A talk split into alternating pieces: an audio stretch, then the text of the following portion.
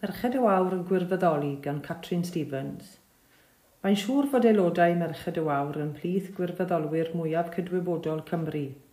Meddyliwch am yr oriau a dreilir, meddyliwch am yr ystod o fudiadau y wasanaethir, meddyliwch am y byddhad y geir o helpu eraill bu Catrin Stevens ar drywydd rhai o'r gwirfoddolwyr pibur yn ardal Abertawe.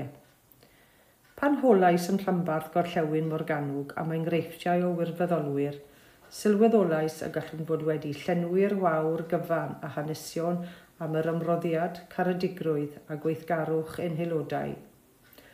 Roedd un yn gwirfoddoli gyda siop siarad, agor y llyfr, gwneud te i'r mamau yn y cilch tu a fi, sgrifennu i'r papur bro yn fusol, golygu cilch lythyr misol y capel, un arall yn gofalu am gymydog anghennus ac un arall yn weithgar gyda banc bwyd lleol.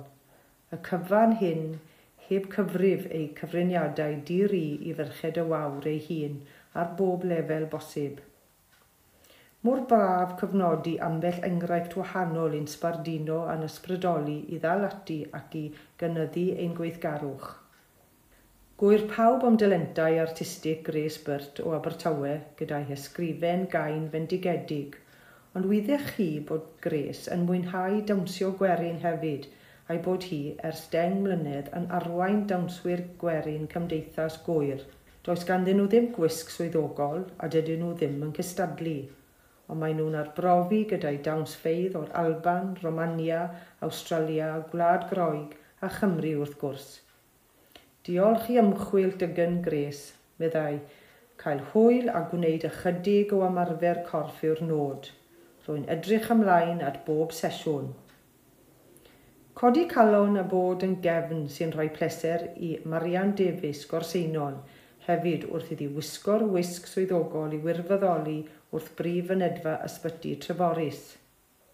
Mae'n siŵr bod sawl claf a theulu gofidus wedi bod yn ddiolchgar am ei help hi a'i chi wirfoddolwyr.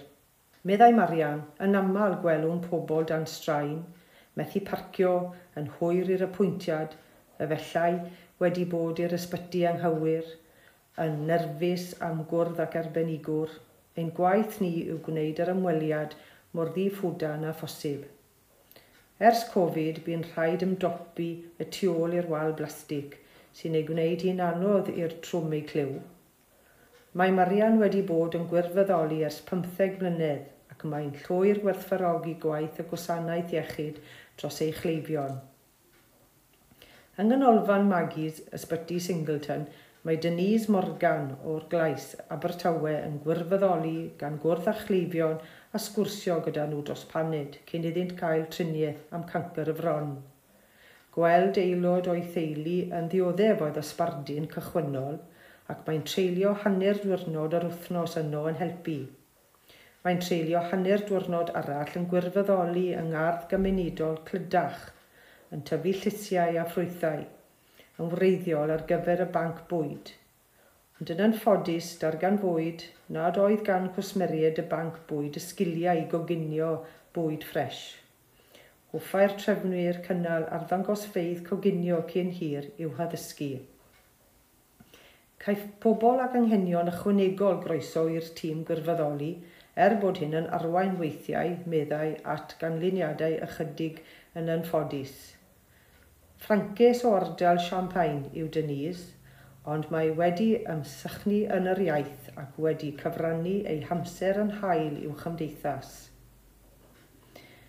Menyw o Beisel yn y Swistyr yw'r bydwerydd gwirfoddolwraig, sef Ruth Thomas o Abertawe, garddio sy'n mynd â'i bryd hithau.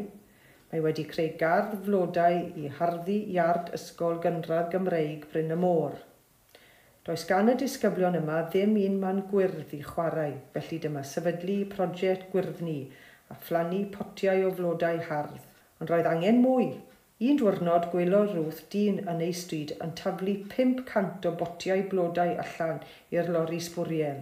Holodd ei hanes a chael iddynt gael ei ddefnyddio i dyfu cannabis a bod yr heddlu wedi ei, ei meddiannu. Llwyddodd Ruth i'w berswadio i roi 200 ohonynt iddi a bellach maent wedi ei plannu.